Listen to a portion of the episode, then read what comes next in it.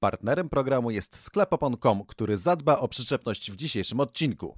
Idealną oponę dla swojego auta znajdziesz na stronie naszego partnera. Link w opisie. Jak, jak wąż nosi spodnie, czy tak? Czy jak, to, jak, jak byk nosi koronę? Ale to była bezcenna waza z Dynasty Ming e, za tego. A on mówi, not anymore. Znaczy, to ja bym rozumiał, gdyby nie fakt, że sam im powiedział. To co, normalne? No to jak im powiedział, to nie dziwnie się No ale powiedział w sekrecie. to bezczelne. A to nie Wiesz, wiesz, co to, w sekrecie, nie w no ale sekrecie. to- Kodrajf dowcipny. Chyba najwięcej żartów na jeden kodrajf wpadło e, w O tym kurde, odcinku. no, ale i same suchary.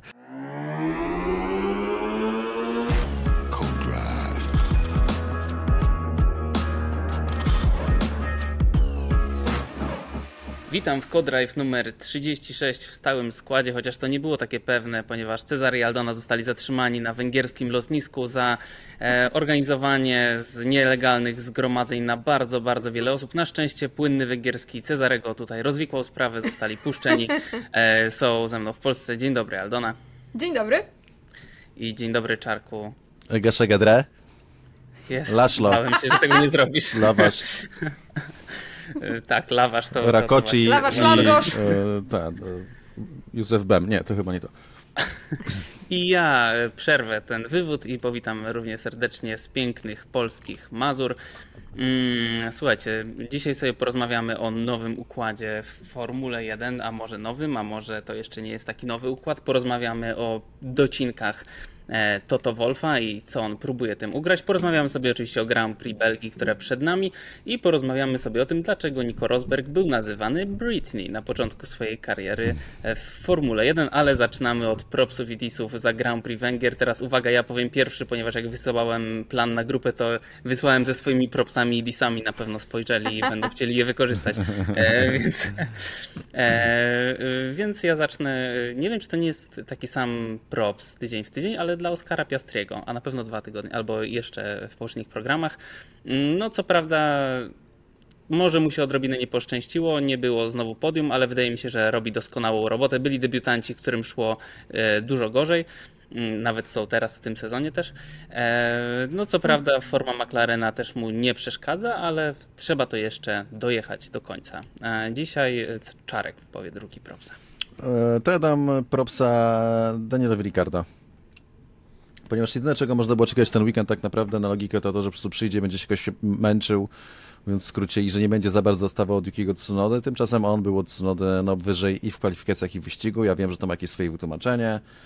E, ale no dla mnie to cały czas nie zmienia faktu. To po prostu nie powinno się tak układać. Myślę, że Daniel zrobił naprawdę bardzo dobrą robotę na tym pierwszym wejściu, mimo tego, że nie był jeszcze w 100% formy, a najbardziej przemówiła do, do, do mnie to po prostu, że, że, no, że składał to, wiedząc, że nie ma takiego opanowania nad samochodem i rozumienia, e, metodycznie po prostu swoimi siłami, e, tak porządną, inteligentną jazdą wyjeździł coś, czego nie udało się widzieć w Tsunodzie. Niezależnie od tego, czy, czy, czy zespół w tym bardziej czy mniej pomagał, tym bardziej, że i Dany nie miał wcale takiego gładkiego wyścigu. I Aldona, proszę. Mój props idzie do Alex Albona, moi drodzy. Mm, Alex Albon e, pojechał bardzo solidny wyścig, a to trochę umknęło, bo no, oczywiście wszyscy zajmowali się tym, co z przodu. E, tuż za punktami, na 11 miejscu, z 16 pozycji startowej tak naprawdę te kwalifikacje e, najbardziej tutaj wpłynęły na to, mm, na ostateczną pozycję, natomiast trochę też w odbiciu od tego, o czym powiedział David Coulthard, jeżeli krytykowaliśmy Nika De Vriesa jako pierwszoroczniaka, to co powiemy o Loganie Sergeancie, który, który klasycznie ostatni, teraz też po swoim błędzie pod sam koniec e, wyścigu ostatecznie e, nie dojechał do mety, bo już zniszczył opony, już e, nie było sensu go wysyłać dalej na te ostatnie kółka i mam wrażenie, że to umknęło, że Alex Albon jest w cieniu, przez to, że ten samochód jest po prostu wolniejszy, a to był naprawdę bardzo solidny wyścig z 16 pozycji na 11. Dziękuję bardzo. Teraz disy. Ja dam disa Kevinowi Magnusenowi. Tak sobie myślałem, jak fatalny musiał być Mick Schumacher, skoro myślałem, że ten Magnusen jest niezły. Jak, jak oglądałem sobie zeszły sezon. Teraz Hulkenberg, który umówmy się też nie jest tutaj naszym ulubionym kierowcą i najlepszym orłem, który najwyżej lata. E, skoro tak go miażdży, co prawda głównie w kwalifikacjach, bo na tyle pozwala has. No cóż, panie Kevinie, nie wiem, nie pamiętam na ile ma pan kontrakt, ale Do końca tego roku, ale wygląda na to, że zostanie. Słuchajcie, Kevin Dobra. był, Kevin był rozkojarzony, został ojcem po raz drugi, ja z nim rozmawiałam w e, czwartek, mieliśmy taki wywiad jeden na jeden i on przyznawał, to, to, słuchaj, mam trochę inne rzeczy na głowie, żyję innymi rzeczami poza Formułą 1 i bardzo trudno było zostawić pięciodniową córeczkę e, i starszą córeczkę oczywiście i żonę i tutaj przyjechać e, się ścigać, więc e, Kevin jest akurat też tym człowiekiem, który, no powiedzmy tak, nie żyje tylko wyścigami. No jeszcze Co tego... mnie to obchodzi? Dis dla Kevina zostaje. e, Tak, może wiesz, kupili nowego pieska albo kotka jeszcze, to wiesz, jak masz takiego pieska, kotka w domu, to też szkoda wyjeżdżać. Nie, szczerze, za, za zerowe wytłumaczenie. Co, co mnie to obchodzi? To jest Formuła 1, elita elit. Ludzie marzą, żeby wejść do Formuły 1 i nie są w stanie wejść, bo nie mają nazwiska albo nie mają pieniędzy. A koleś jeździ w Formule 1 w elicie i jeździ to za dużo powiedziane. Jest po prostu cienki. Tyle.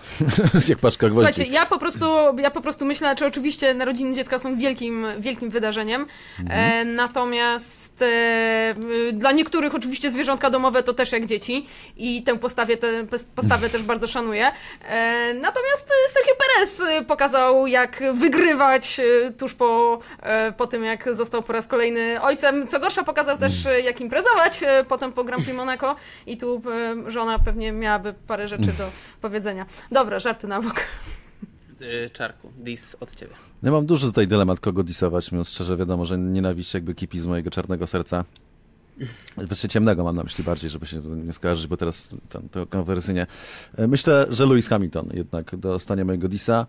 E, O, no co, czemu? tak, sz- szczerze, bo po pierwsze, najbardziej za to, jak dał się objechać Norrisowi.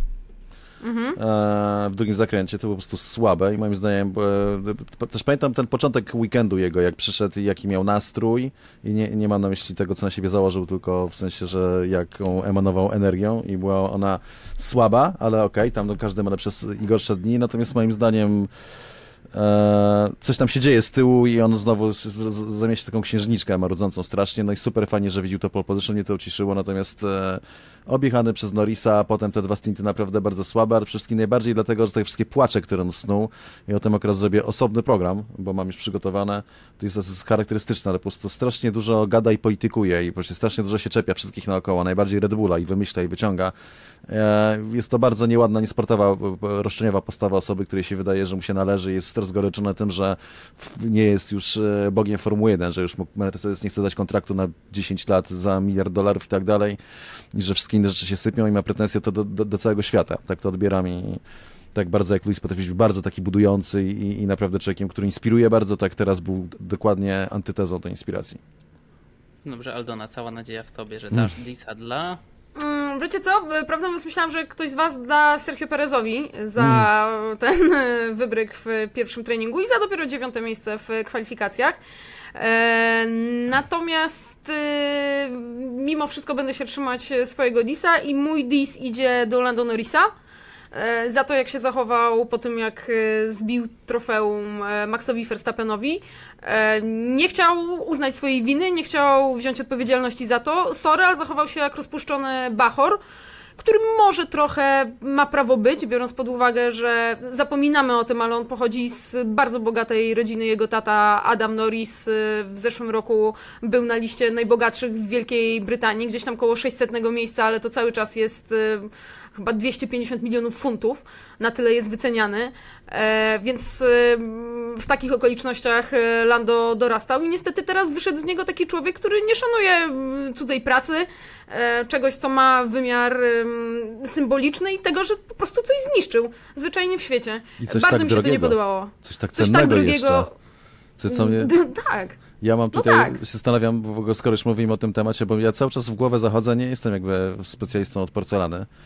Eee, Jak porcelana może kosztować 40 tysięcy euro? Tak, i to jeszcze nie zrobione 1600 lat temu albo 2000 temu, 2000 w, przez dynastię Ming, tylko zupełnie ostatnio w, na Węgrzech i nie mogę uciec od wniosków, tak, mój jakby zły umysł, tak, czarne serce naszączone jadem podpowiada mi, że 40 tysięcy to za to zapłacono, a kosztowało bliżej 10 tysięcy euro, no bo to euro mówimy jeszcze, nie jakoś po prostu nie potrafię, nie potrafię zrozumieć. Wyliczyłem, że to będzie 20 uncji złota w ogóle, za to można było kupić, to wolałbym w sumie jakiś pucharek z 20 uncji złota niż, też ładna cokolwiek ta porcelana, ale kurde, jakoś mi się to nie lepi, nie wiem, może wy się znacie lepiej na porcelanie. Ale skoro ona teraz kosztuje 40 tysięcy euro, to za te 2000 lat, jak już będzie tak jak ta z Dynasty Ming teraz, to, to, dopiero będą. Może, wiesz, jakiś y, pra, pra, pra, pra, prawnuczek Verstappen młody mógłby z tego żyć, ze sprzedaży tylko tego. No dobrze, a czy nie dajemy Disa Joe za ten wyścig? Czy usprawiedliwia go tam jakiś może lekko felerny bolid i że potem "Ja już nie mogłem nic zrobić? Ale dopiero mu zajebistą wazę zbili, tradycyjną, przecież serce go zabalało, myślę, że warto go ten... To Bo była tego węgierska szczędzić. waza. On, nie miał, on w ogóle nie wiedział o co chodzi. On, Myślisz? Węgierska. Jest taka scena w tym w Różowej Panterze.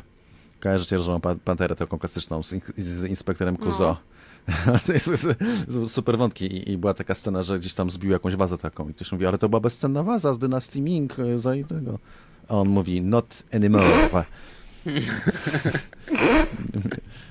Mniej więcej tyle, tyle co do pucharu. Chociaż teraz w czasie Dobrze. social mediów to moim zdaniem można by było te szczątki sprzedać, podzielić na te, zostawić na te trzy części i sprzedać każdą No po 30 właśnie. tysięcy euro. Tak, i jak wiesz, Na jak pewno to się znajdzie. te y, kawałki murawy sprzedają, na przykład z, Mm. z ostatniego meczu mistrzowskiego, to kawałek odprysk z wazy Maxa Verstappena. Tak, gwóźdź No dobrze, z, połącz- krzyża tego Jezusa Chrystusa też słyszałem, można kupić.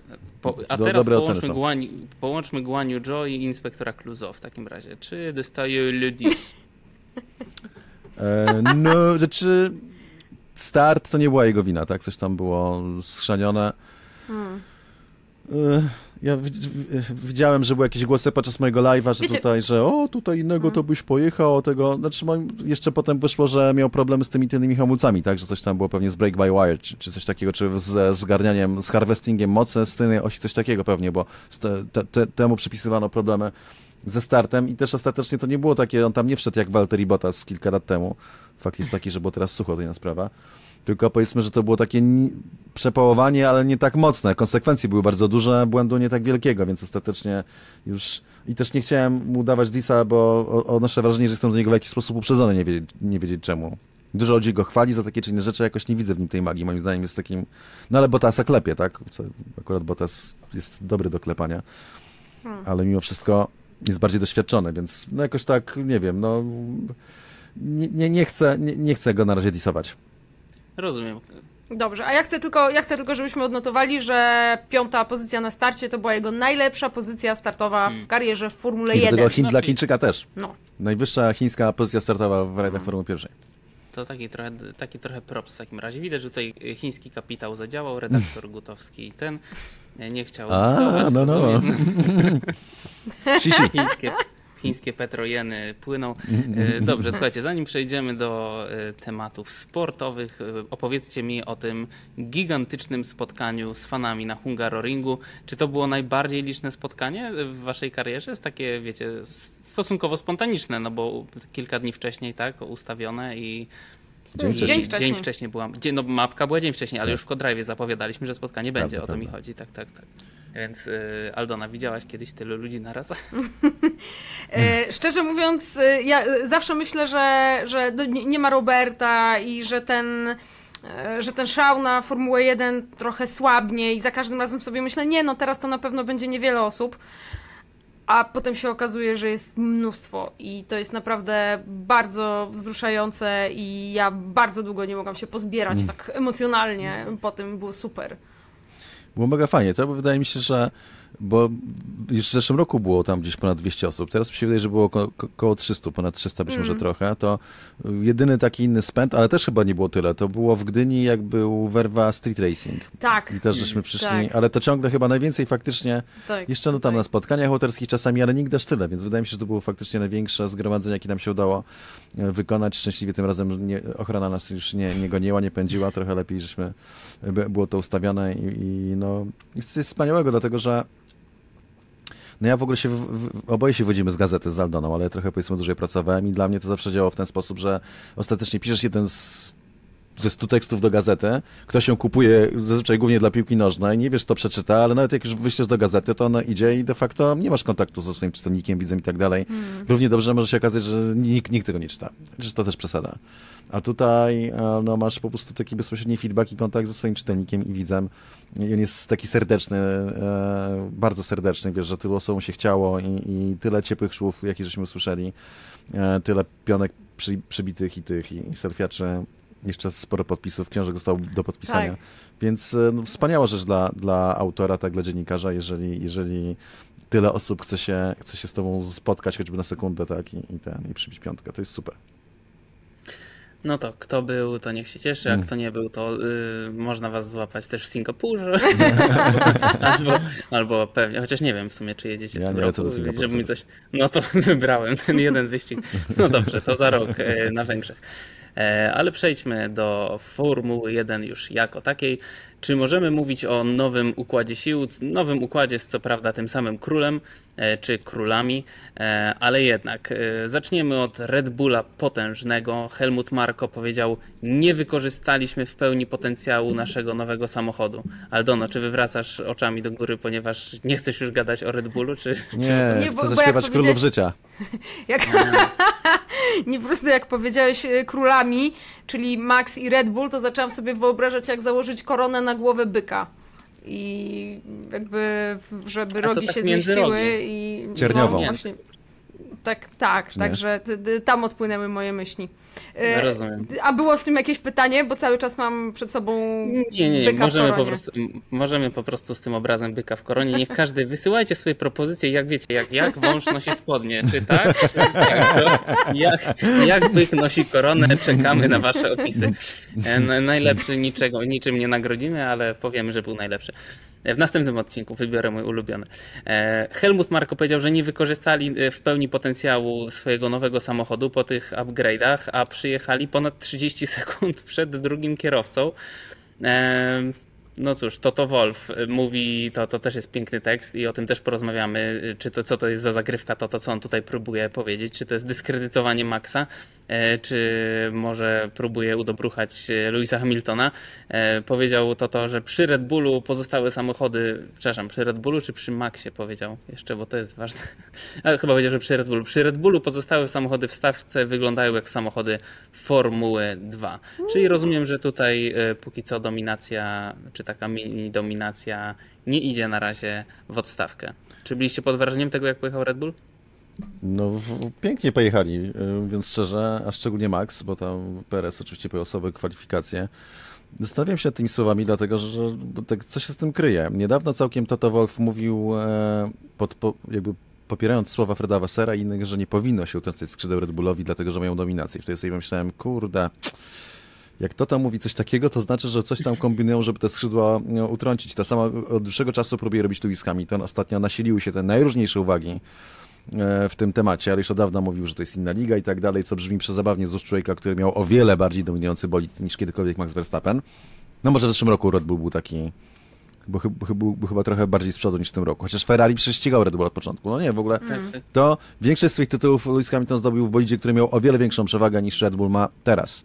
Więc mi się wydaje, że jak tak to, to znowu mówi o tej Formule 2, to tak naprawdę oni pró- próbują przemówić głównie do Liberty, bo FA ich nie posłucha, żeby coś z tym zrobili, e, bo jakby stawiają Red Bulla o wiele wyżej niż Red Bull jest w, w praktyce, bo jeżeli e, teraz e, Red Bull jest bolidem Formuły 1, a reszta jest w Formule 2, to dość interesujące, dlaczego w takim razie Sergio Perez nie startował cały czas z drugiego pola za Verstappenem i dlaczego nie dojechał e, na pierwszej pozycji dublując całą stawkę, e, skoro miała bolid z wyższej kategorii. A, a, a to jedna rzecz, tylko skończę. A No. druga rzecz taka, to w której kategorii był Williams w 2019 roku, jeżeli teraz e, reszta stawki jest Formuła 2. We Frece. Mm, No, coś takiego. A to nie masz wrażenia, że to bardziej podkreśla słabość Sergio Pereza niż e, ujmuje mm, szybkości bolidu Red Bulla? Nie, nie uważam. Uważam, że kierowca pograł Sergio Pereza, który pokazał wiele. Mając dominujący bolid i będę, mając spadek formy, cały czas byłby Powinien być. Oczywiście, dominujący samochód, bo ciągle trwa tę dyskusję, mi to wkurza, już niedługo zrobię tym program i wyliczę wszystkie.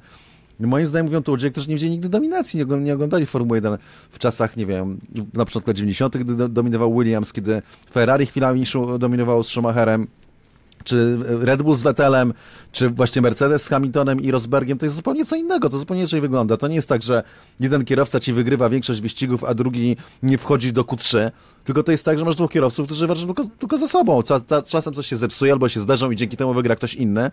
jak nie wiem, Max e, Verstappen w 2016 roku dzięki temu między innymi wygrał, że się zderzył Rosberg z Hamiltonem, ale gdyby nie to, to nikt nie ma szans w ogóle podejścia żadnego. A przecież tutaj pole position na Węgrzech zdobył Hamilton w Mercedesie, a nie mm, Max Verstappen w Red Bullu. Było kilka wyścigów, gdy było naprawdę bardzo blisko. Monaco mógł wygrać na przykład Fernando Alonso, więc to jest dominacja. Jeżeli to jest dominacja czyjaś, to Maxa Verstappena, a nie Red Bulla. Red Bull ma najlepszy, najszybszy samochód z całą pewnością. Ma najlepiej działający zespół na, na tym etapie, wszystko im, im, działa super, natomiast jakby yy, ciężar gatunkowy tej dominacji jest na kierowca, nie na zespole, po prostu. I to pokazuje właśnie postawa Pereza. Nikt mnie nie, nie, nie przekona do czegoś innego, bo jeszcze raz, no sorry, ale oglądam Formułę 1 od lat 30 i pamięta, jak wygląda prawdziwa dominacja. No dobrze, Aldona, a w takim razie McLaren. E, mówili, że Węgry to nie będzie ich tor. Lando Norris zgasił nadzieję fanów e, swojego zespołu na jakieś doskonałe wyniki, a tu znowu prawie mogło być podwójne podium. E, troszkę tam nie zagrało, trochę może pecha. No ale Lando Norris dojechał na tym drugim miejscu. No fantastyczny wynik. Czy McLaren teraz już na stałe zawita po prostu w ścisłej czołówce. No, życzymy sobie tego, żeby było ciekawie, ale powiedz, jak ty to widzisz? Oni cały czas uważają, że będą tory, które będą im pasować bardziej i będą tory, które będą im pasować mniej. Czyli mimo tego, że pokazali się z tak dobrej strony i zdobyli y, miejsca na podium na dwóch tak różnych torach jak Silverstone i Hungaroring, wcale nie są uspokojeni. E, ja powiem wam, że też wszyscy w padoku tam trochę przecierali oczy ze zdumienia. Mój kolega z Viaplay bierze mnie na bok, e, człowiek człowiek, który pochodzi z y, rodziny wyścigowej, więc też no, siedzi w tym motorsporcie i mówi, Aldona, słuchaj, ja się umówiłem na nieoficjalną rozmowę w McLarenie, bo ja się muszę dowiedzieć, czy oni sami wiedzą, o co to chodzi. Z czego, z czego wynika um, to, że, że, że teraz y, są, są w czołówce. I rzeczywiście, i to może to brzmieć śmiesznie, ale, yy, ale to jest pytanie, bo to bo to, czy oni wiedzą, czy nie wiedzą, e, wpłynie na to, co się będzie działo da dalej w tym sezonie. Czy to hmm. faktycznie hmm. będzie skakać od toru do toru, czy będą wiedzieć, w jaką stronę dalej z tym e, samochodem e, pójść. I czy to faktycznie ma szansę stać się regułą. Co jest zabawne, to się zdarza w Formule 1, że, że nie tylko także w wyścigach, że po prostu zespół nie wie, dlaczego jest szybki. Jak na przykład BMW Zauber w 2009 hmm. roku w Grand Prix Brazylii nie, nie mieli pojęcia. Nawet parę lat temu Robert mówi, że po dzidzie nikt nie wie tak naprawdę, dlaczego akurat w tym jednym wyścigu, w ten jeden weekend, ten bolid, który był totalnym sztrudlem, e, dał mu podium. E, przechodzimy dalej. Skoro ktoś wszedł do czołówki, to wszystko zostaje w naturze. Ktoś z czołówki wypada. Aston Martin. Czy powoli godzimy się już z tym e, i przyzwyczajamy do tego, że ich miejsce jest jednak na końcu pierwszej dziesiątki, przynajmniej Fernando Alonso, chociaż tym razem Lansa Strolla również. Godzimy się. To będzie się zmieniało. Czasami na niektórych torach będzie tam Alonso wyskakiwał, na torach kierowców w niektórych warunkach, ale generalnie rzecz biorąc to jest ten początek Astana był super, chwała im za to. E, sprzyjało im okoliczności, sprzyjało im to, że mieli Fernando Alonso. Gdyby tam jeździł Sebastian Vettel, jestem przekonany, że nie byłoby takiej liczby podium, jeżeli jakikolwiek by było. No ale mamy już środek sezonu, wszyscy są rozjeżdżeni, e, bolidy są poprawiane i to jest pozycja Stana, moim zdaniem. Mówię, Ta liczę na to, że Fernando jeszcze na podium, tak, jeszcze na podium stanie, że będą się tam może przebijali czasami wyżej. Myślę, że Ferrari jest do wyjęcia, bo Ferrari idzie tylko i wyłącznie w drugą stronę. Yy, ale generalnie no nie oczekiwałbym, że będziemy mieli znowu serię podium Fernando Alonso.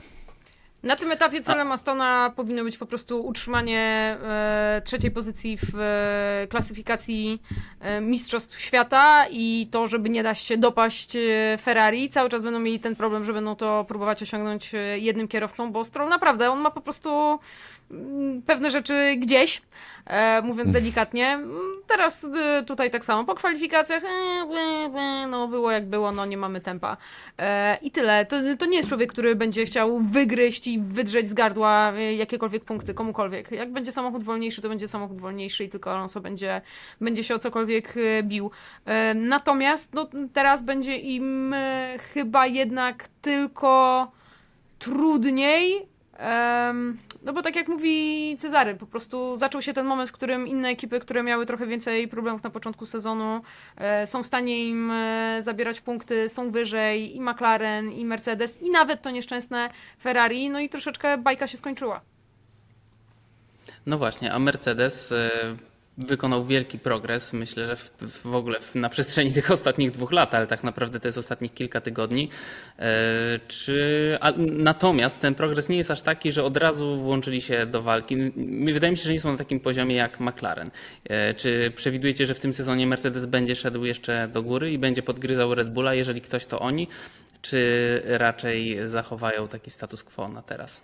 Na to, co mają. Na tym etapie to ja teraz nadzieję, bo jeszcze hmm. patrząc na ten nastrój Luisa, e, powiem tak, no ciężko to jest przewidzieć tak naprawdę i to zwróćmy uwagę, że z weekendu na weekend to się nam trochę prze, przewala. Myślę, że to, co największa zmiana jaka zawsze to McLaren po prostu. McLaren, który wszedł w układ, plus Aston Martin trochę jakby odpada z tej pozycji, na której być powinien. Więc e, no, największą przeszkodą Mercedesa, już o tym mówią coraz głośniej, no to jest oczywiście do przewidzenia było, tak? I, I, o tym już mówiliśmy. To jest limity budżetowe. Mm. Oni by się świetnie ogarnęli, gdyby mogli wydawać tyle pieniędzy, co kiedyś, gdyby mogli zasypywać pieniędzmi fakt, że nie mają takiego lidera technicznego, no, genialnego jak e, Red Bull. Natomiast teraz to już są nie te czasy, stąd też właśnie miałczenie na temat tego nie, nie, nie, my nie chcemy spełnić Red Bulla, ale i potem, kurde, hmm. co co dwa tygodnie szereg skarg i tych i spostrzeżeń takich, zupełnie przypadkiem, że tutaj nie, no Red Bull to jest w innej lidze w ogóle, no, że nie wypada, może trzeba było zamrozić rozwój, żeby no i wcześniej w sierpniu i tak dalej, ale nie, o nie, nie chcemy, nie chcemy spełnić Red Bulla.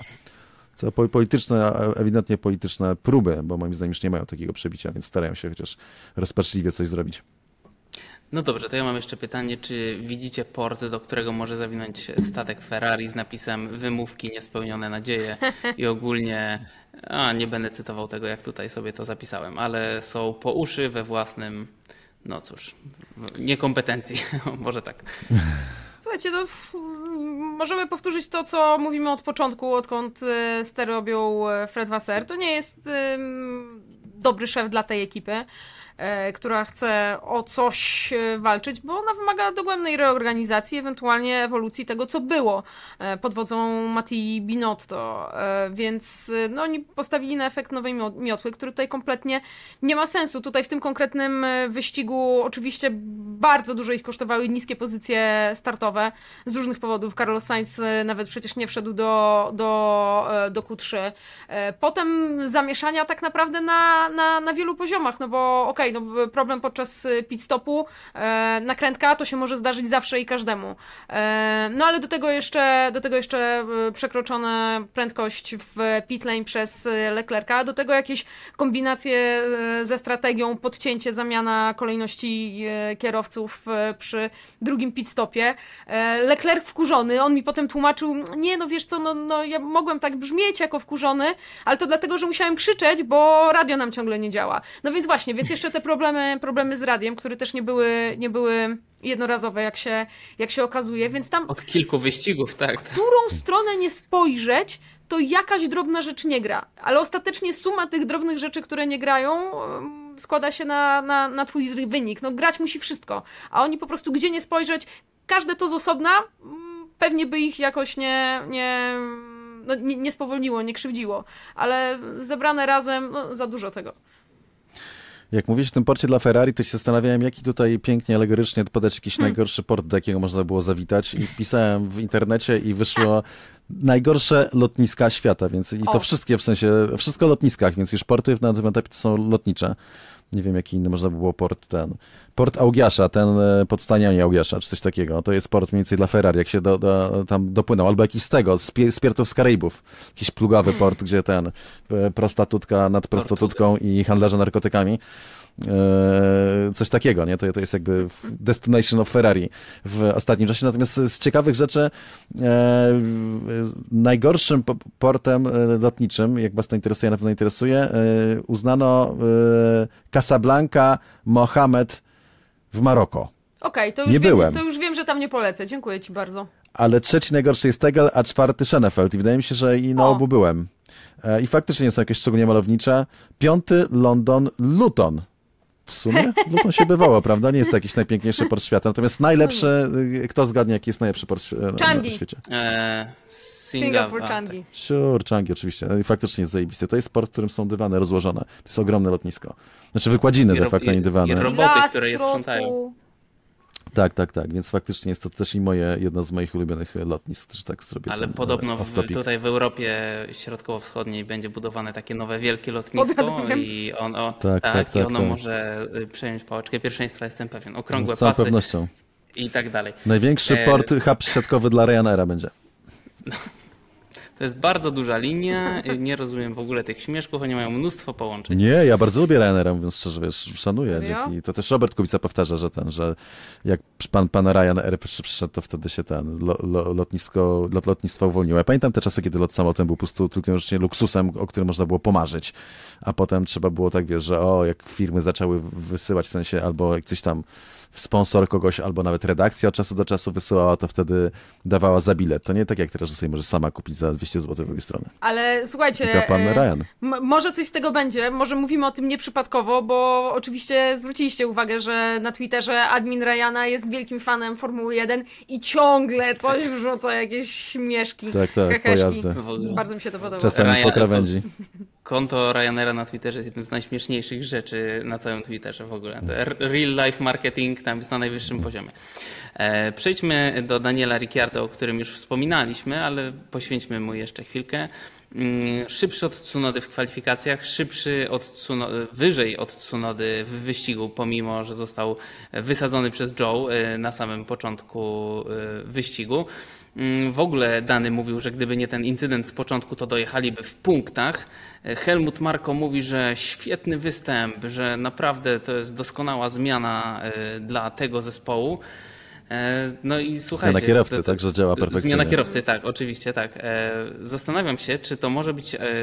Czy to, czy to jest możliwe, żeby to było tak piękne i prawdziwe po prostu, że on pójdzie teraz taki, zrobi taki marsz w górę, który zakończy się u boku Maxa, no bo rozmawialiśmy, że już na Węgrzech powinien coś pokazać, ja na to liczyłem, ale tak miałem, no dobra, pierwszy wyścig i tak dalej. On wszedł po prostu z drzwiami, naprawdę. Y, Znaczy na tyle, na ile to były małe drzwi, ale wszedł z nimi. No przede wszystkim nie szedł na pełnej bombie, tylko z, z dużą pokorą, krok, krok po kroku robił dalsze postępy i bardzo mu się to ułożyło z tych wy- wypowiedzi Hamiltona. Najbardziej e, trafia do mnie ta, w której mówił, że w piątek inżynierowie byli niemalże w euforii pogrążeni, gdy zaczął im mówić na temat tego, co się dzieje z bolidem.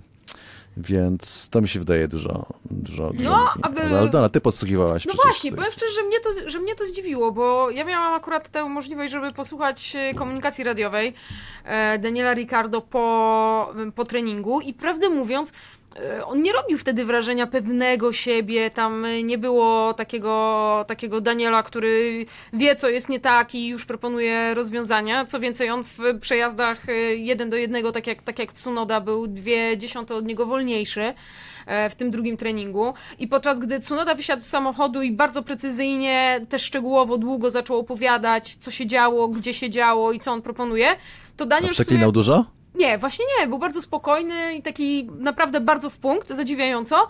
To Daniel właściwie rzucił tylko dwa komunikaty i powiedział, że o całej reszcie porozmawiają później.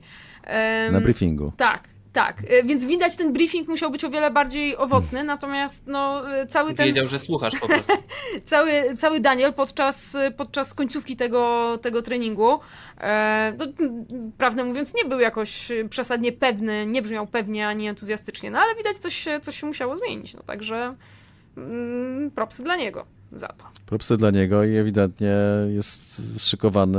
To, to nie, nie, nie proszę po to, żeby jeździć w Alfie Tauri i to, to jest ciekawe, bo zespół znowu mówi, że nie, nie, tutaj no jest do końca 2024 roku, no jakby co to 2025, znaczy do do tego końca, przepraszam, do końca tego roku, jakby co to dopiero w 2025, co za w ogóle bujać to my, a nie nas.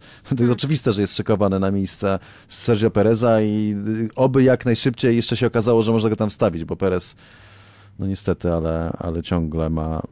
No, moim zdaniem to o nim już na tym etapie, jak się jakiś cud nie zdarzy, czyli albo Perez nagle nie zacznie fruwać znowu, lub jeżeli nie będzie tak, że Ricardo będzie dostawał bęcki od Tsunody, to oni już teraz są zdecydowani, żeby wstawić e, Ricardo w przyszłym sezonie, tylko czekają na potwierdzenie. Tak mi się wydaje, że to, to jest ich patrzenie. A Tsunoda chyba był lekko zdołowany po tym Jezu, jaki był wkurzony. Był tak wkurzony.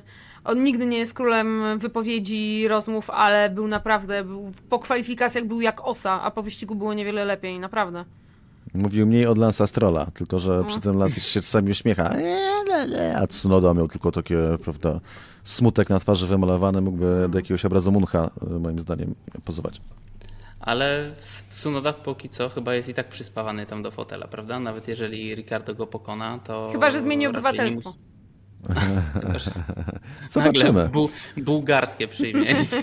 Moim zdaniem. Red Bull zdaje sobie sprawę, że jednak e, dobrze jest mieć e, jak najlepszy przykład ze swoim dostawcą silników, nawet jeżeli teoretycznie tych silników nie można rozwijać i są zamrożone, bo to wcale jeszcze nie znaczy, że będą zawsze tak samo dobre, mówiąc w skrócie. To wiele może się nie, nie poukładać w komunikacji, więc e, będzie im zależało na tym, żeby e, żeby Honda była dobrochana, z drugiej strony jakby równolegle idzie no, taka kwestia, że Honda będzie dostawcą silników dla Stona Martina prędzej czy później i no nie da się jakby przenieść e, silnika, nawet jak mają nowy zbudować bez wiedzy technicznej na temat tego, jak, jak na przykład jest zainstalowany w innym bolidzie e, i nie przenosić tych preferencji na przykład na nowego, jakby powiedzą, no wiecie, no my byśmy waleli, bo myśmy się przyzwyczaili, żeby jednak ta śrubka to szła tu od dołu, z tej strony, o kurde, naprawdę?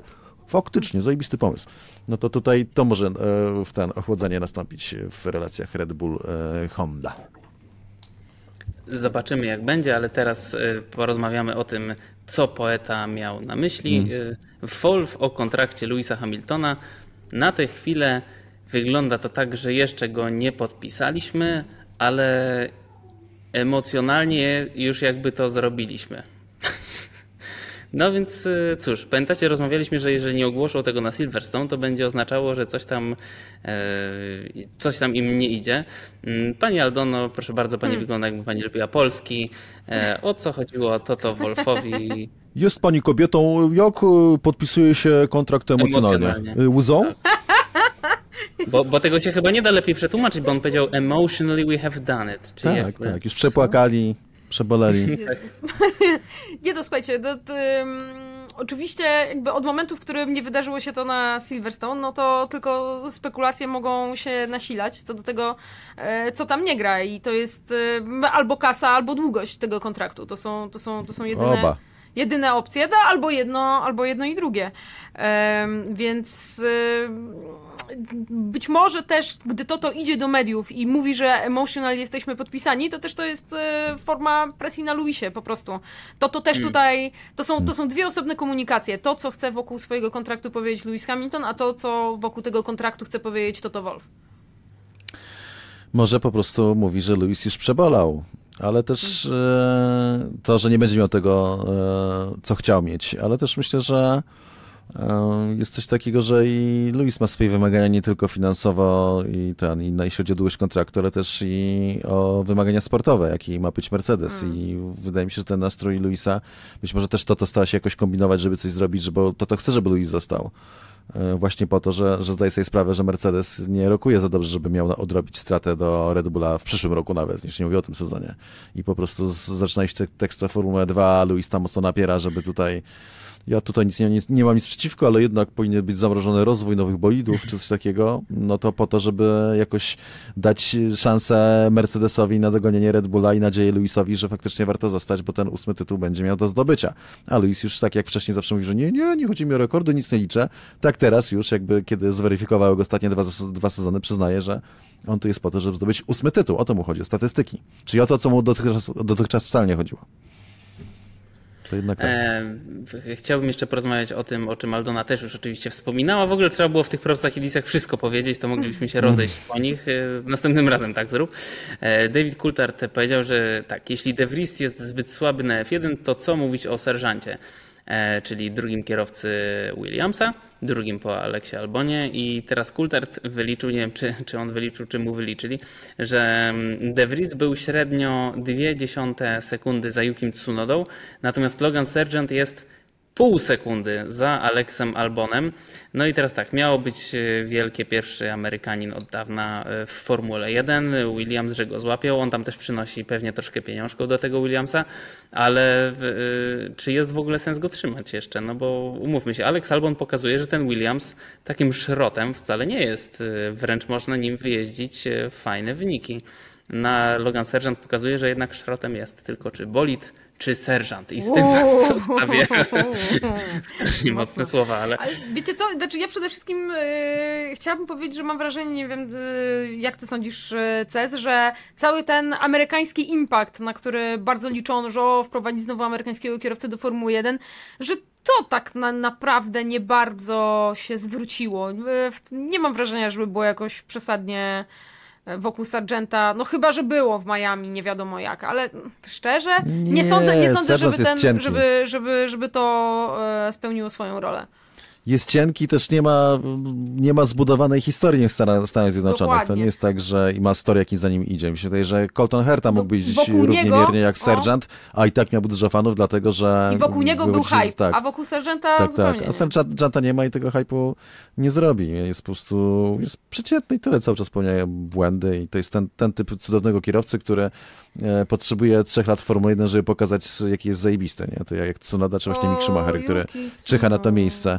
Natomiast znowu tekst mi się przypomniał ten, e, jakiś, to jest taki abstrakcyjny dowcipnik, go nie rozumiem jak opowiadam, ale Alda na pewno zrozumie, e, jak ten, cytowałeś Davida Coultharda, że skoro ten, to co powiedzieć o.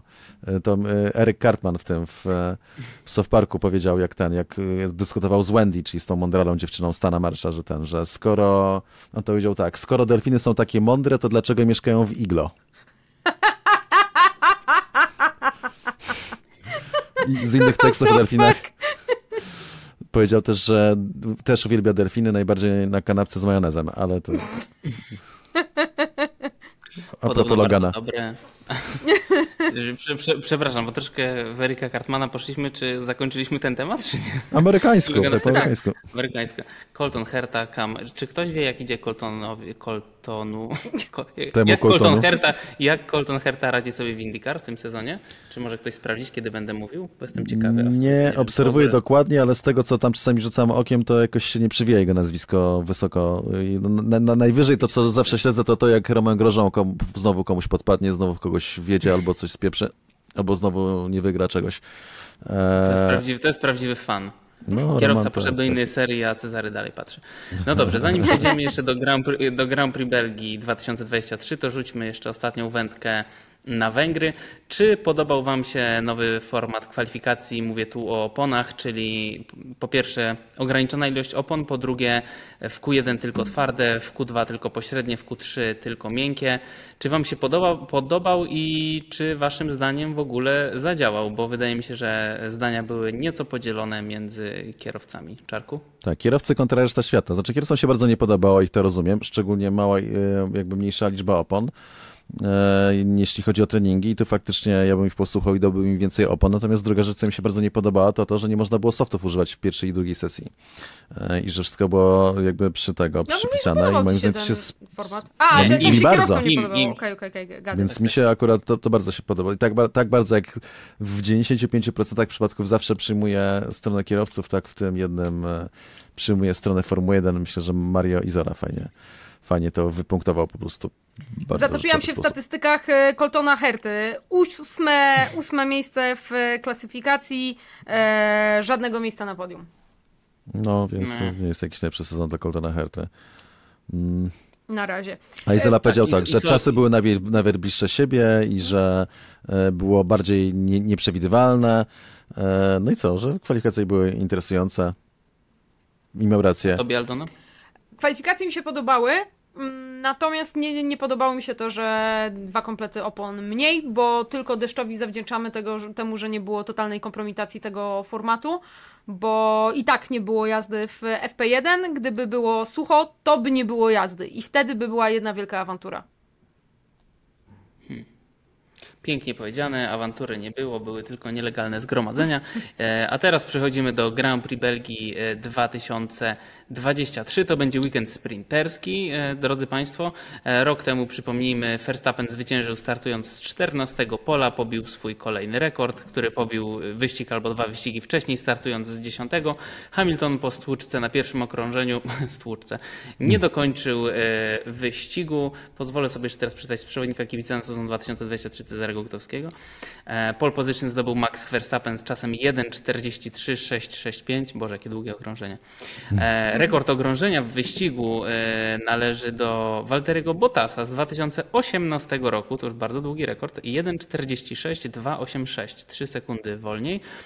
Podium wyścigu rok temu to był Max Verstappen, Sergio Perez, Carlos Sainz. Długość okrążenia 7000 metrów, liczba okrążeń 44, 308 km i 52 metry. To jest dystans wyścigu. I teraz uwaga, czytam terminarz. Weekend sprinterski. E, piątek, pierwszy trening 13.30, e, e, kwalifikacje o 17.00, drugi trening w sobotę o 12.30, sprint o 16.30 i wyścig w niedzielę o 15.00. Chciałbym, żebyście powiedzieli parę słów o. Proszę, słucham. Jeszcze z, według starego formatu. W sensie, że bo teraz jest sprint tak, shootout tak, tak. będzie po prostu, okay, czyli będą tak, kwalifikacje, tak, tak, bo to wprowadzono już po tym, y, jakby po publikacji faktycznie. Mhm. E, więc będzie tak, jak było ostatnio. Czyli, że nic nie wiadomo i w ogóle jakieś kwalifikacje. Ja się tak w ogóle mi się wszystko Sprint shootout. Tak, tak, tak. Nie, nie, oglądało mi się tego za dobrze, szczerze mówiąc. E, porozmawiajmy chwilę o SPA, ale chciałbym też, żebyśmy wspomnieli o tym e, aspekcie bezpieczeństwa, e, ponieważ e, no, oczywiście był śmiertelny wypadek niedawno, był parę lat temu i na ten weekend jest również zapowiadany deszcz, z tego co widziałem. E, ale najpierw opowiedzcie, w ogóle jedziecie na SPA? Ktokolwiek z Was? Nie. Nie w tym roku. Nie w tym roku. Ale ogólnie spa lubicie, prawda? I teraz razem. Po 2021 to po prostu wołami mnie tam nie zaciągniecie z powrotem. Musieliby spa przenieść do innej strefy klimatycznej, żebym chciała tam wrócić. Nie no, jakby tor absolutnie przecudowny. Mój pierwszy wyścig Formuły 1 to, to był tor spa właśnie, bo zobaczyć bolidy na Rushedion to jest coś nieprawdopodobnego, dlatego bardzo się boję o to, co może zostać zrobione tej sekcji. Szczęśliwie wygląda na to, no, że na razie oczywiście, oczywiście e, tam żadnych, no nie ma czasu na jakiekolwiek zmiany, zmiany na torze, więc, więc w ten weekend jesteśmy bezpieczni. Mm, natomiast no, deszczowe spa to jest zawsze, zawsze dodatkowe ryzyko. No z tego temu się przypisuje ten ostatni śmiertelny wypadek w, w kategorii freka. Kierowcy co do zasady się zgadzają, że największym problemem było nawet nie układ tych zakrętów, może poza strolem, mm. ale jakim kierowcą stroły, to każdy widzi, więc sobie może gadać, jest zdrów. Większość kierowców, którzy są naprawdę dobrymi kierowcami, uważa, że była to kwestia braku widoczności wynikająca. Raz, że tam za szczyt, za szczyt się wyjeżdża, to jest bardzo stromy podjazd, o wiele bardziej stromy niż widać w telewizji. Jak to się dzieje na spa, zawsze polecam, żeby poszedł po prostu pod e, radią przy Orusz i zobaczył, bo to jest i na ANEP kilka kategorii. Zobaczcie, jak jedzie Porsche, a potem Formuła 2 albo 3 i potem Formuła 1. I po prostu ta skala, skala gradacja prędkości, z jaką można ten zastosować, jak jedzie Formuła 1, to się wydaje nierealne, już nierzeczywiste. Więc jakby, jakby stromizna tego podjazdu i załamanie prawda, wyżej sprawia, że, że, że się te wypadki śmiertelne ostatnie że do nich doszło, po prostu kierowcy nie widzieli, co się dzieje za wzgórzem. Rozmawiałem o tym ostatnio z Robertem Kubicą, na Monzy, zdaje się, jeśli dobrze pamiętam, mhm, podczas tak. Łeka i tam Robert mówił, te, te też o tym powiedział, że być może zamiast dawać jakiegoś banera ze sponsorem, warto by było dać jakiś obraz z kamery za szczytem, żeby kierowcy widzieli, co się dzieje. Natomiast to też się wiązało z tym, że po prostu było, widoczność była fatalna, jeszcze pogorszona przez warunki. Teraz jedziemy na SPA, na tor, na którym prognozy są e, takie, że każdego dnia ma, ma padać albo lać. I moim zdaniem było bardzo, bardzo słabo przemyślane, wstawianie weekendu sprinterskiego na, na wyścig, który niedawno się nie odbył, dlatego że, e, że zbyt mocno padało. I teraz mamy tylko jeden trening. Wszystkie pozostałe sesje, które będą jeszcze cztery, to będą sesje e, sportowe i no 17-18 kwalifikacje piątkowe, no to, to akurat ten moment, kiedy może sobie ładnie popadać. Potem mamy, dobra, shootout sprintowo o 12, ale potem znowu sprint 16.30. No tam po prostu może się okazać, że jakaś sesja się nie odbędzie tylko z tego powodu, albo dwie, bo będzie za bardzo lało w danym momencie, nie będzie już czasu, żeby tę sesję zorganizować. Bo, po prostu mają zero luzu na to, żeby coś przełożyć na wypadek, gdyby pogoda pokrzywała plany, na torze, na którym regularnie pada, na którym to jest dodatkowe niebezpieczeństwo. No, wydaje mi się, że mam nadzieję, że że po pierwsze, że to wyjdzie w tym roku, a po, a po drugie, że sobie zdadzą sprawę bez żadnych dodatkowych komplikacji, że jednak nie robi się weekendów sprinterskich na torze takim jak SPA. A czy sądzicie, że dopiero jakiś wypadek y, bardzo poważny w Formule 1 sprawiłby, że może zostałoby coś zmienione w tych zakrętach albo no cokolwiek? Przykład, choć, choćby taki obraz z kamery, no co wiecie, cokolwiek, no bo mieliśmy wypadek śmiertelny w Formule 2. Wtedy było sucho. E, To też, to też e, jakby trochę, trochę inna, inna sytuacja. To też chodzi e, o typ barier i to zostało zmienione po to, żeby samochody nie odbijały się od nich tak bardzo, nie, nie wracały na tor, bo to jest to niebezpieczeństwo. Że, że, że po wypadku odbijasz się od, od bariery i, i się cofasz. No i wtedy już No tak, kompletnie, tak. kompletnie bez, bez kontroli. A do tego dodajemy widoczność, a cię nie widać. E, Był wypadek e, wtedy w 2021 roku e, Lando Norrisa w tej sekcji, w kwalifikacjach, który wyglądał bardzo, bardzo poważnie. Tam Sebastian Vettel się wtedy zatrzymał, żeby sprawdzić, czy, czy wszystko jest w porządku. Natomiast no, moim zdaniem to, to, to, to nie jest to pytanie. Pytanie brzmi, co zrobić, żeby co do zasady samochody były o wiele bardziej bezpieczne. E, Piotrek Wiśnicki, który e, się ściga u- w e, Formule 3 w tym sezonie, opowiadał nam o tym, że w tych formułach juniorskich tak naprawdę monokokiny oczywiście mają różnych producentów i są bardzo różne, jeżeli chodzi o poziom wytrzymałości. Więc ja bym tutaj się zastanowiła, czy, czy, czy nie należy pytać o to, że jednak po to wypracowujemy całą technologię na poziomie Formuły 1, nie po to, żeby to przenosić na samochody drogowe tak naprawdę, tylko w takim razie przenieśmy to na niższe serie bolidów jednomiejscowych, skoro, skoro na niższych poziomach no, nie możemy zaufać tym zabezpieczeniom, które są. Samochody Formuły 1 jako takiej to jest pewnie jedno z najbezpieczniejszych miejsc na świecie, w którym się możesz znaleźć. E, niżej, no tutaj jest już znak zapytania.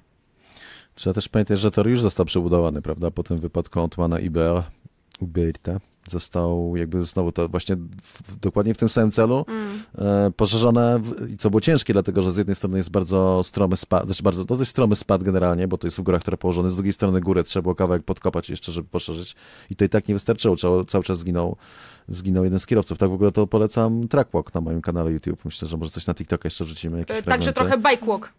Tak, bikewalk, tak, na którym na początku Aldona mi towarzyszy, że jak, jak Państwo nie widzieli, nie słyszeli, to tam jest to oprowadzony zakręt po zakręcie, czy tam objechane e, na rowerze, między innymi właśnie te, ten zakręt radią i, i orusz, ten niebezpieczny. Natomiast to jeszcze jeden, tu trzeba czynnik dorzucić, bo o tym się nie mówi, bo no, to brzmi niepolitycznie, nieładnie, ale no, sport motorowy jest to znowu też, co Robert zwrócił uwagę, ja też na to zwracam uwagę. Motorsport is dangerous jest napisane na wszystkich wyjściówkach.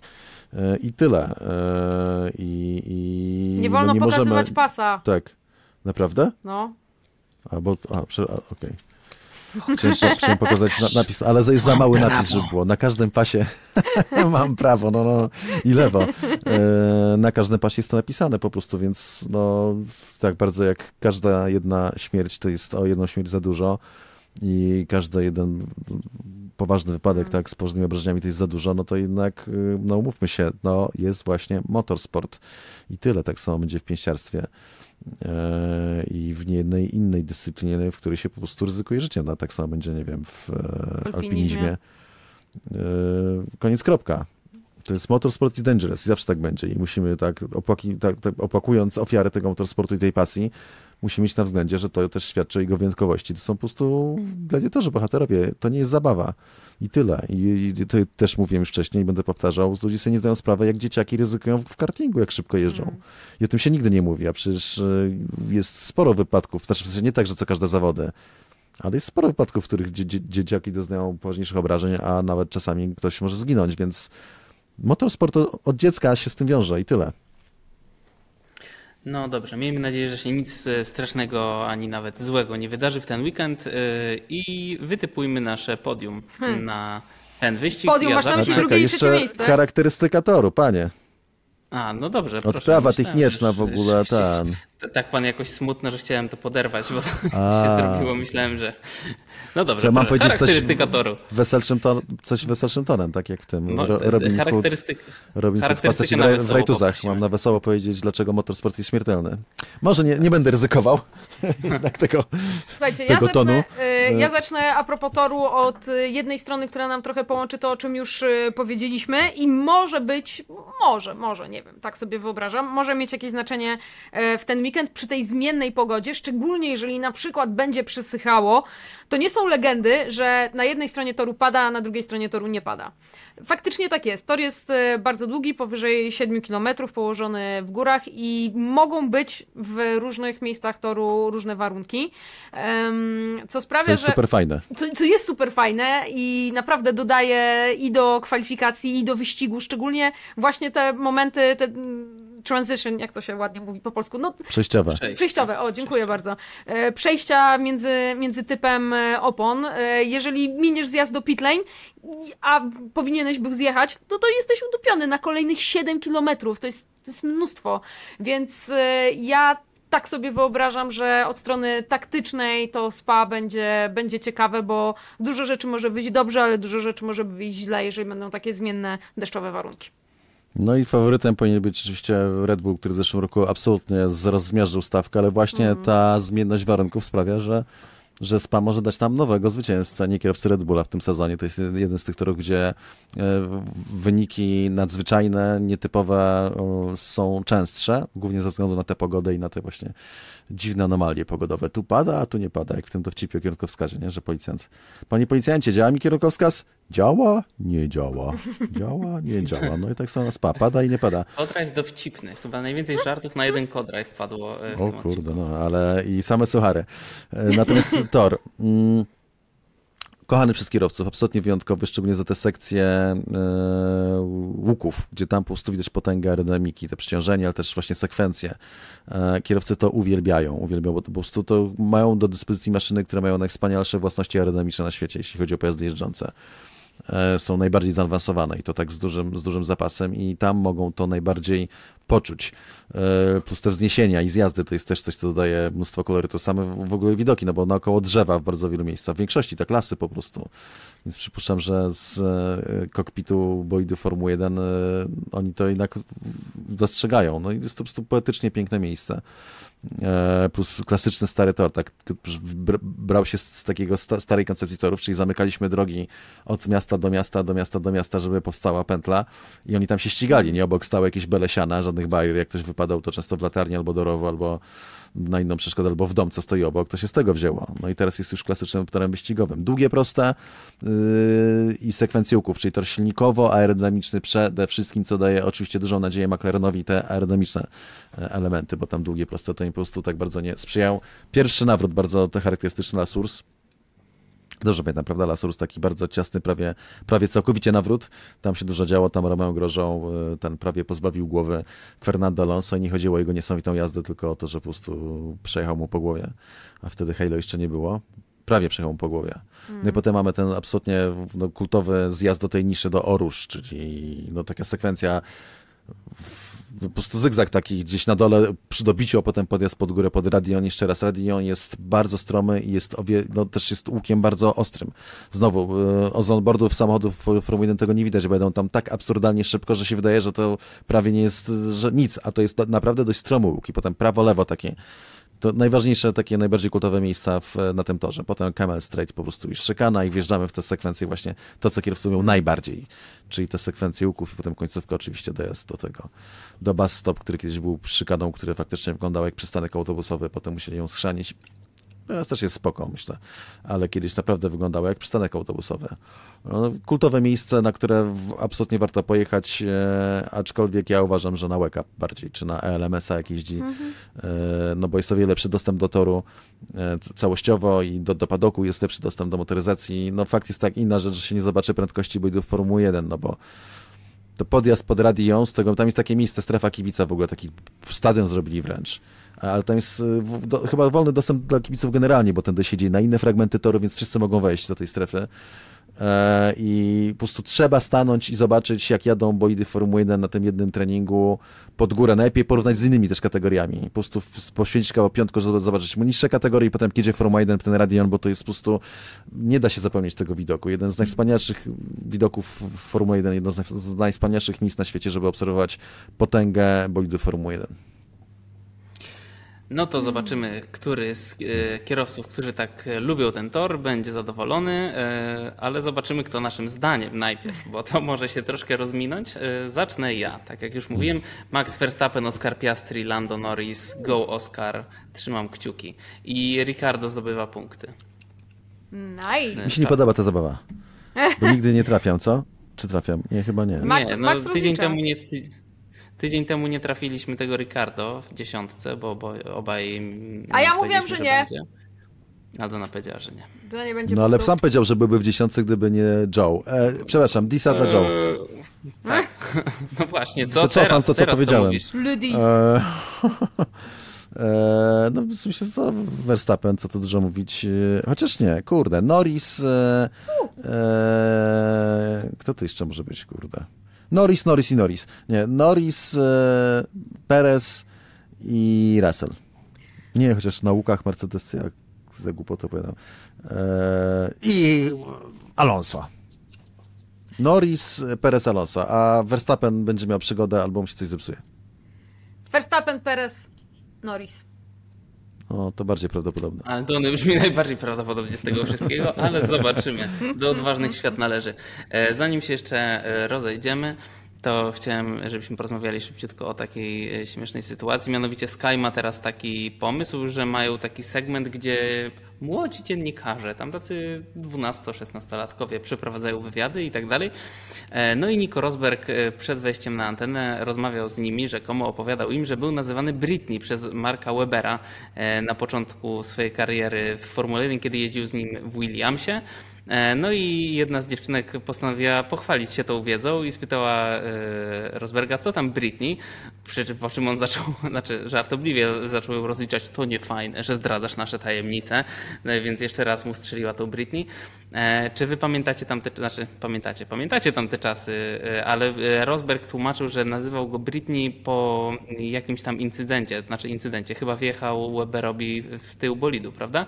I od tej Robert pory... wkurzony rzucił tak, że Britney. E, W sumie Nico Rosberg, jakby miał dłuższe włosy, no to taki, no nie jest może do Britney Spears bardzo podobny, ale z daleka, z przymrużonymi oczami, jakby zaśpiewał. Pamiętacie w Słyszałem. ogóle. be- No? Że dla mnie to dziewczynkę straszny wypadek spotkał, jak wracała do domu. Rozjechał ją koń. Tak, przejechał, przejechał ją e, elektryczny samochód za 2 miliony na monakijskich blachach, którym jechał Niko. Znaczy wiecie, no to E, w ogóle- rzeczywiście się odbiło szerokim echem, natomiast y, ja jakoś tak nie zwróciłam na to uwagi, no bo dla mnie to nie jest żadna niespodzianka, no bo pamiętam te czasy przecież, kiedy Rosberg jeździł, on miał wtedy dłuższe włosy, takie tutaj roz, rozwiane nieco, oczywiście się rzeczy młody chłopak, więc o takiej bardzo delikatnej, chłopięcej urodzie.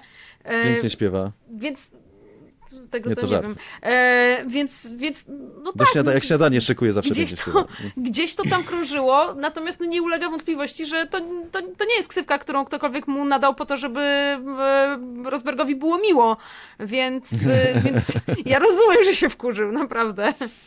Znaczy, to ja bym rozumiał, gdyby nie fakt, że sam im powiedział. To co, nienormalne? No to jak im powiedział, to nie dziwnie się No, ale dzieciaki powiedział w sekrecie. to bezczelne. A to nie No, ale wiesz. co to, w sekrecie, nie w no, ale to sekrecie? co innego, jak mówisz Do dzieci 12 pięciolatkowi. mówię. lat ma ta Co innego, jak mówisz pięciolatkowi, ale wiesz, no już od, od, od nastolatki, no to już na Boga czegoś wymagasz. Moim zdaniem właśnie dobrze postąpił i trzeba było przywołać do porządku i powiedzieć, że nie, sorry, nie, nie, zdradzamy w rzeczy, o których rozmawiamy w sekrecie.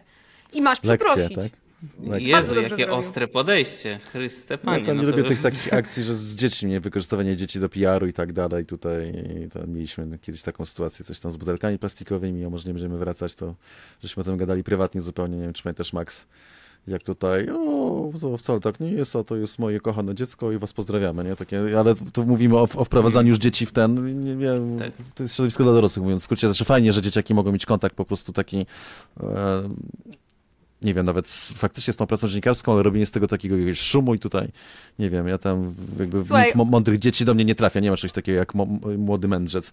Mędrzec Oni sobie, oni sobie wychowują subskrybentów. Ty nie wiesz, ile kosztuje Sky? Chyba 400 funtów na rok albo 600, już nie O, pamiętam. no faktycznie. Ostatnio no, Marcin ten. mówił, ale zapomniałam. I, I to jest po prostu, wiesz, to jest przywiązywanie do marki. W sumie coś w tym jest, co, coś w tym jest. No to, dobra, nie będę się na, na temat tego wy, wypowiadał tego, natomiast na temat Britney, no to sorry, ale ja Rosberga obserwuję od 2003 roku, jak jeździł w Formule 3. E, I robiłem mu sporo zdjęć i w zasadzie na co drugiej fotografii daje też Formuły 1. Jest w geście takim, nie widać tego w Poprawia podcaście, dlatego zaczynamy ale po prostu tę- tą długą grzywę poprawia z zamkniętymi oczami. On mi bardziej pasuje do tego Prince Charming z tego, z, e, z, ze Shreka 2 i 3 chyba też był. I e, ten typ człowieka. I tutaj teraz nie chodzi, żeby go krytykować, bo ja uważam, że jest kierowcą niedocenianym, że cały czas być może właśnie przez jego wygląd czy sposób noszenia się jest to taki właśnie książęcy, ale właśnie czy ten Prince Charming, czy Britney, bo no, taki jest po prostu. E, To nie zmienia faktu, że był mega dobrym kierowcą, o wiele lepszym niż się ludziom zdaje i on pokonał Louisa Hamiltona, pokonał go w równej walce, w takim samym bolidzie, kierowcę z siebie lepszego i to jakby dużo świadczy, natomiast to też zawsze jest taki, był takim księciuniem. Widać, że Luis mu to zarzucił trochę tam, że tam ty też w sposób żałosny, ale coś w tym jest, że on to spał u taty na kanapie, jak y, się Rosberg y, rozbijał y, na jachtach, znaczy nie rozbijał, tylko że pływał na jachtach z tatą w Monte Carlo, co pokazuje jakby kompleks Luisa, który nosił w sobie, do, do, do którego ma prawo. Natomiast coś w tym jest faktycznie i to z, z bije i to jest kierowca jakiś czas. Bardzo ogłoszony jako kierowca, uważam, że jest niedoceniany i zawsze będę bronił jego, go jako kierowcę, ale jako osoby nigdy go nie lubiłem. E, ale też nie dlatego, że on chciał być dla kogoś niemiły specjalnie, czy jest jakiś arogancki, e, czy złośliwy. Po prostu no, jest takim księciuniem, no mówiąc w skrócie, właśnie taką Britney, taką gwiazdeczką z wychowania i też z, bardzo jest zresztą wykształcony, tak, mówi czterema językami płynnie, to jest naprawdę, jego blogi, czy vlogi e, są fantastyczne e, na YouTubie, Świetne. bardzo polecam. E, jego jakby ogląd na sport jest doskonały. Ma tam jakieś oczywiście taki e, elementy li- mitologizowania Louisa, bo on pokonał Louisa Hamiltona, więc jakby zawsze jak jest o Louisie, to mówi, jaki to Louis jest wspaniały, mimo że Louis go tam disuje ostro i ci- i ciśnie ciągle za to, że został pokonany. No bo jak pokonał najlepszego kierowcę w historii, to musi cały czas mówić, że jest najlepszym, mówiąc w skrócie. Natomiast no, nie dziwię się, że mówią na niego Britney, bo e, wszyscy widzieli, że ten, że Weber trafił w dziesiątkę. E, Jestem przekonany, że Weber nie wysił tego na przekonaniu, tak po prostu mówiono wcześniej trochę, tylko nikt nie mówił tego publicznie do kamery e, na temat Niko. No i jeszcze raz, no, nie, nie przypada mi za nim jako człowiekiem. Nie jest tak, że go nie lubię, tylko po prostu nie jest tak, nie Daniego Ricardo bardzo lubię na przykład, o, Russella lubię, a Rosberga nigdy nie lubiłem, i, ale też nigdy nie mówię na niego Britney, tak, nie lubię ludzi przyzywać i, i uważam, że to jest okazywanie braku I na Nico Huckenberga też nie powiemy Ken. Też nie powiemy Ken. Nie, nie powiemy Ken, bo okazujemy szacunek. A czy Ken nie jest brunetem de facto? Nie, blondynem, no co ty. Nie miałeś Naprawdę? Kena? Czterech, ale wszyscy byli łysi. No, no. e, a propos, a propos, a propos, a propos y, Nico Rosberga i jego vlogów i w ogóle jego chyba takiej właśnie pewności siebie, która wynika pewnie z tej księciuniowatości. Bardzo mi się podobało, że zobaczył, że jego sąsiad w Monako ma jakieś Ferrari, nie wiem, no jakieś takie ultra klasyczne, które tam stoi, tylko więc co zrobił? Napisał kartkę, mogę się przejechać, Nico Rosberg, mistrz świata Formuły 1 i przykleił tam, no i mu pozwolił. I jest z tego vlog, także Ja bym e, gwoździem po drzwiach pojechał. No, Nie no, żartuję, słusznie. nie. Ale miałem kiedyś taką słusznie. przygodę nie, Gdyni. No, było, było. Porsche z, z zajebistą karerką 4S e, ten i ktoś gwoździem pojechał. Przepiękna, czerwona, po prostu taki Może wystawało na po to mówi. prostu Tak? z tego. Wystawał gwóźdź z torebki i pani sz- albo Tak, pan tak. szli blisko i ten. Co No dobrze, przypomina y- tekst z tego, z e, Pulp Fiction znowu jakoś często wracam do filmów, jak ten e, Vincent Vega, jak opowiada, co by zrobił kolesiowi, co mu porysował jego Malibu, zdaje się. Vincent Vega, który gra płatnego mordercę, tak, bez, be- bezlitosnego człowieka. E, Ten, jak co go mówi? dorwał, no, że tak. Na pewno by z nim porozmawiał bardzo poważnie i by mu wytłumaczył, że tak nie przystoi. Tym miłym y, gangsterskim, y, czy może filmowym akcentem dziękuję Wam bardzo y, za to spotkanie. Teraz czeka nas mała przerwa, kochani, e, bo miesiąc, tak, do następnego Grand Prix. E, No cóż, odpoczywajcie i tak dalej. I co tam się robi w wakacje? E, My nie ale- wiemy, bo nie mamy. No właśnie, no właśnie, e, ale oprócz tego miłego wyścigu suchego i trzymamy kciuki, żeby tam się nic e, groźnego nie wydarzyło. E, Co do podium, niech wygra lepszy e, i ten, który bardziej ryzykowne zapowiedzi tutaj przedstawił, a nie Aldona po prostu jakieś ze, ze, ze, ze swojego doświadczenia. Dziękuję Wam bardzo i e, do usłyszenia. Thank you. Thank you. Thank you.